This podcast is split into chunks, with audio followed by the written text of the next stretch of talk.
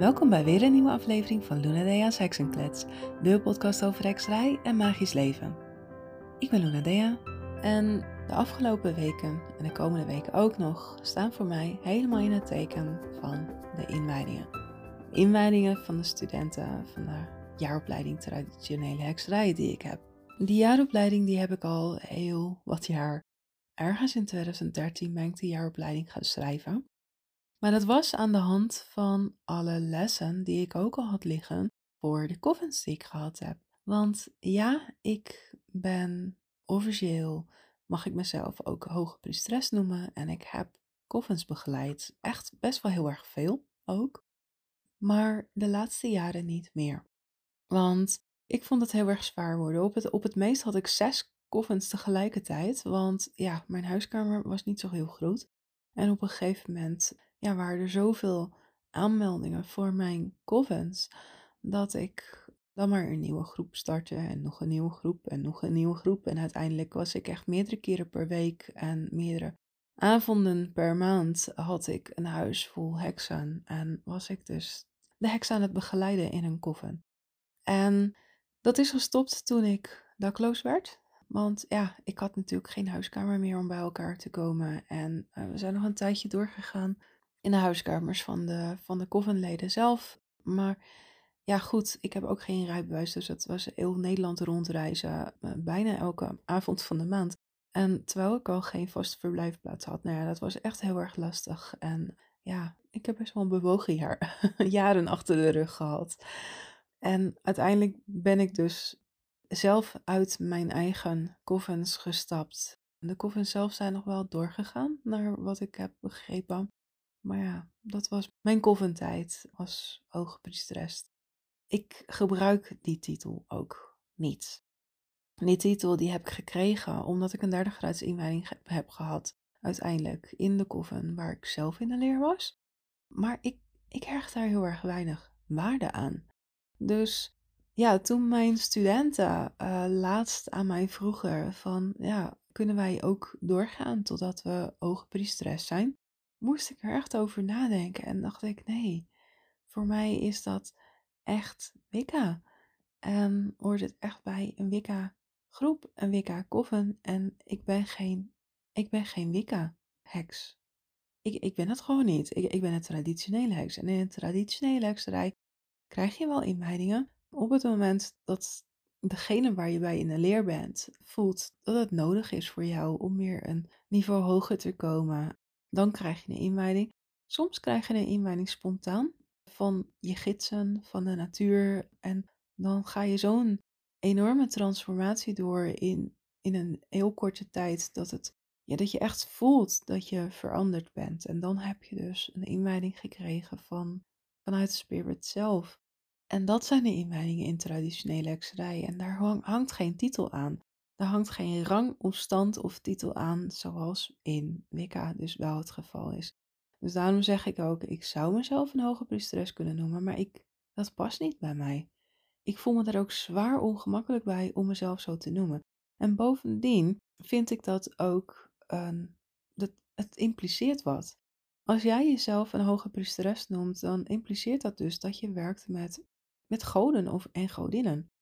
En dat is logisch, want in Wicca, Wicca is een religie en daar wordt ook inderdaad echt altijd met een god en een godin gewerkt. Dus als priesteres of hoge priesteres sta jij in dienst van die godin. En dat is ook wat het woord priesteres inhoudt. Als jij een priesteres noemt, dan betekent het dus dat je in dienst staat van iets, het goddelijke. Een god, godin of goden, godinnen. En zo voelt hekserij voor mij niet meer. Voorheen wel, toen ik dus in die Wicca-coven zat en dat was wat ik geleerd heb, toen dacht ik, ja, ik sta inderdaad in dienst van de godin. Want dat, zo was het geleerd en zo was het geïndoctrineerd. En uiteindelijk, toen ik uit de coven gestapt ben en mijn eigen heksenpad ben gaan belopen, toen realiseerde ik me dus hoe niet passend die titel voor mij was. Want mijn hekserij is geen religie. Mijn hekserij is een kunde. En mijn hekserij is niet in dienst staan van het goddelijke of een god en een godin. Nee, ik sta in verbinding met magie, met levenskracht, met een, een oerkrachtbron, met de natuur. Dat, dat voel ik wel degelijk, maar ik sta niet ten dienste van de natuur of iets dergelijks. Nee, zo voel ik het helemaal niet. Als je samenwerkt met, als je verbondenheid voelt met, dan sta je op gelijk niveau. Dan kan je niet ten dienste staan van. Dus nee, de titel priesteres of hoge priesteres zal ik niet zo snel meer in de mond nemen. Zo zou ik mezelf niet zo snel noemen. Ik ben gewoon een, ik, ik ben gewoon een heks. En soms noem ik me wel een heksenjuf om aan te duiden wat ik doe. Maar ik voel me daarin ook niet hoger staan dan iemand anders. Want ik ben me er wel heel erg van bewust dat sommige van mijn studenten die bij mij de opleiding volgen, dat sommigen ook al twintig jaar bezig zijn. Ik ben dan niet hoger of beter of wat dan ook. Zo zie ik mezelf helemaal niet.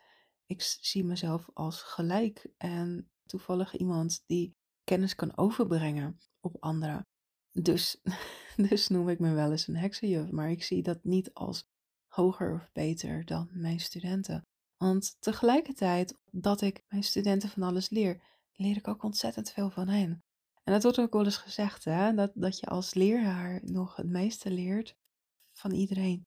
Ja, dat weet ik dan zo net nog niet, of ik het meeste leer van iedereen. Maar ik, ik leer ook heel veel van mijn studenten. En ja, ik, ik, vind het, ik vind het heel erg fijn. Ik vind het fijn dat ook daarin een wisselwerking is. Dat het niet eenrichtingsverkeer is. Maar goed, nou ben ik alweer helemaal afgedwaald. Zoals wel vaker als ik uh, lekker aan het praten ben. Maar titels en inwijdingen. In de traditionele hekserij krijg je dus wel een inwijding, maar zit er geen titel aan vast. En um, die inwijding is echt bedoeld om jezelf een niveau hoger te helpen. Je hebt het op scholen en bij gewone opleidingen heb je dat natuurlijk ook. Op een gegeven moment heb je zoveel geleerd, ben je zo ver gekomen en dan lijkt het alsof je tegen zo'n plafond aan zit. Alsof je niet verder kunt dan dat. En dat is het moment dat je toetsen gaat krijgen en eventueel een diploma gaat krijgen. En op een of andere manier, ook al is het maar een papiertje wat je krijgt en een ceremonie wat er omheen zit. Maar juist dat, juist die ceremonie en die bevestiging dat je op een bepaald niveau zit, zorgen ervoor dat je die drempel overgaat, dat je weer een niveau hoger kunt komen. En dat is dus hetzelfde met inwijdingen in hekserij. Dat is ook waarom je dus inwijdingen ontvangt, om jezelf ja, die bevestiging te geven en ook weer een niveau hoger te tillen. En nou ja, goed, dat is, uh, dat is wat ik nu doe. Bij de jaaropleiding heb ik ja, de, de belofte gegeven om daar ook een inwijding bij te geven. Um, misschien dat ik dat in de toekomst wel ga veranderen en niet per se inwijdingen, maar ook uh, live lesdagen van gaan maken of iets dergelijks. Maar ja, op dit moment heb ik, heb ik dus de belofte gedaan om een inwijding te geven aan het einde. En dat doe ik dan ook. Het zijn hele zware, hele zware rituelen waar ik me heel erg op moet voorbereiden. Dus op zulke grote groepen heksen inwijden is voor mij ontzettend intensief. Heel erg waardevol. Heel mooi om te mogen doen en mooi om te zien hoe emotioneel sommige heksen ook zijn dat ze, dat ze deze inwijding mogen ontvangen en hoe, hoe hun dat raakt. Ja, het zijn hele intensieve, zware weekenden. Want ik heb soms op vrijdag, zaterdag en zondag inwijdingen van groepen van twintig of meer heksen. Dat is heel erg zwaar. Ik ben echt gebroken en ja, echt wel heel erg moe aan het eind van die weekenden. Maar ja, goed, dat is omdat ik heel erg veel geef natuurlijk ook.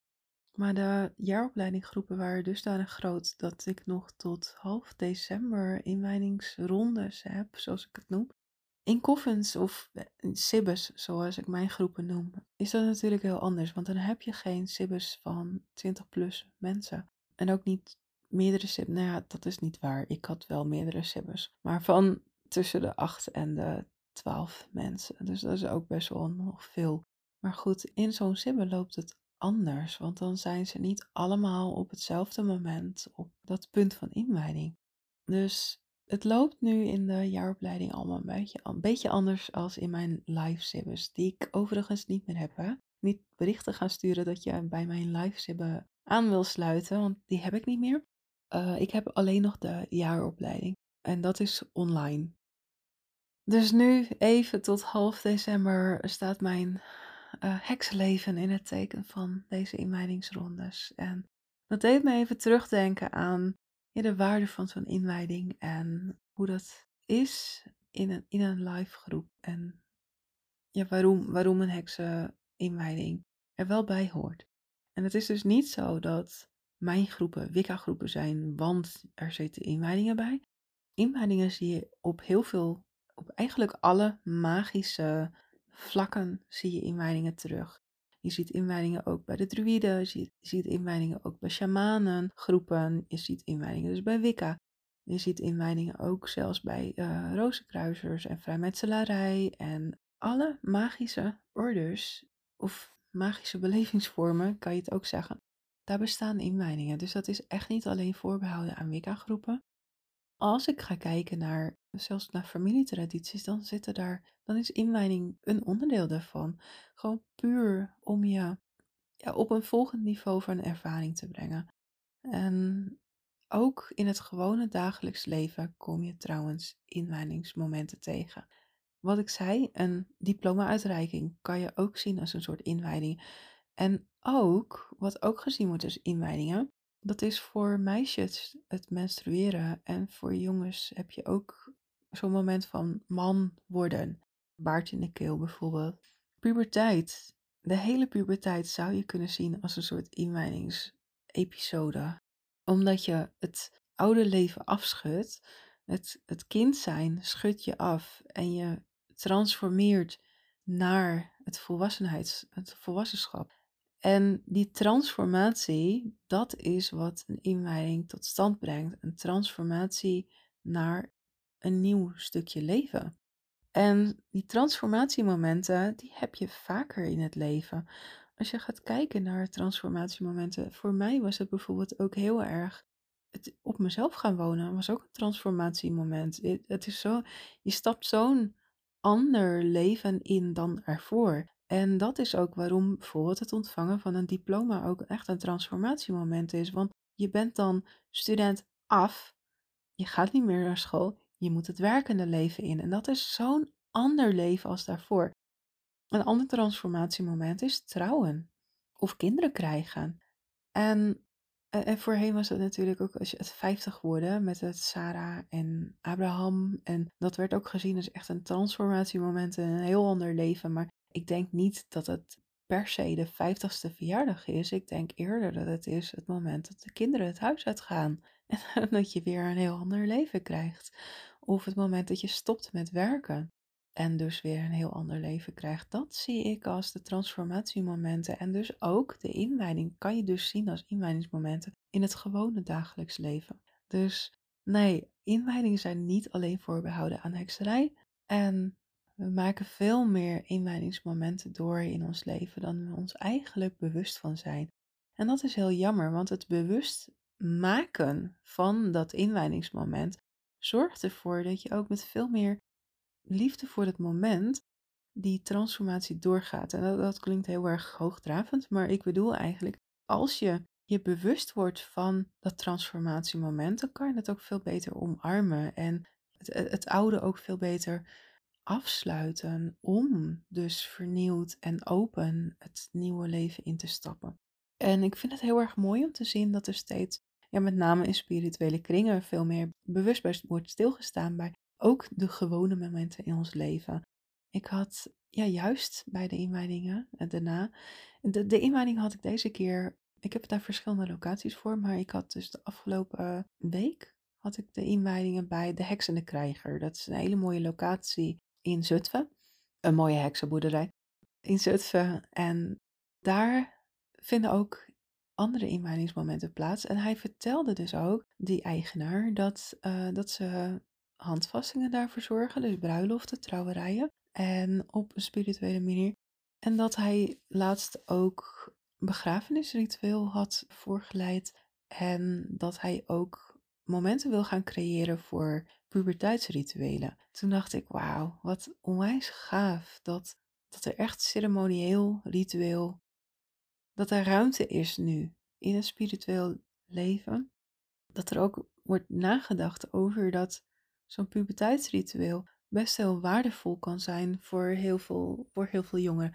Niet voor iedereen. Ik, ik denk dat er ook heel veel jongeren zeggen van nou, leuk dat je dat wil, papa of mama, maar eh, daar ga ik echt niet in meewerken. En, en kijk, dat hoort natuurlijk ook heel erg bij de puberteit, om, om tegen uh, zoiets in te gaan. Maar ergens denk ik dat het wel heel waardevol kan zijn, want puberteit is echt zo'n moment dat je je verloren voelt en dat duurt al jaren.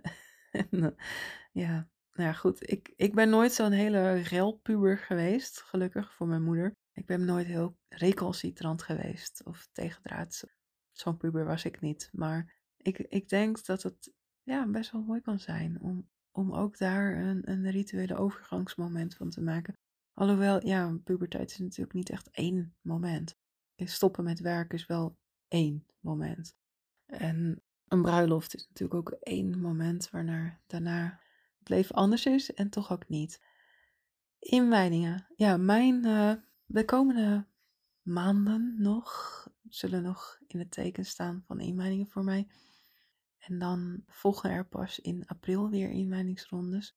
Ik vind ze heel erg bijzonder. Ik heb er dus zelf meerdere meegemaakt. Maar ja, ik zie dat ik alweer bijna 20 minuten aan het praten ben. Mijn inwijdingservaringen bewaar ik dan misschien wel een keer voor een, uh, voor een andere podcast. Want dat zijn ook best wel heel erg uh, bijzondere verhalen. Maar goed, dat voor een andere keer. Tot zover de waarde van, uh, van een inwijding en of er in traditionele hekserij ook ingewijd wordt. Ik hoop dat je het weer interessant vond om naar te luisteren. En tot de volgende keer maar weer. Doei doei.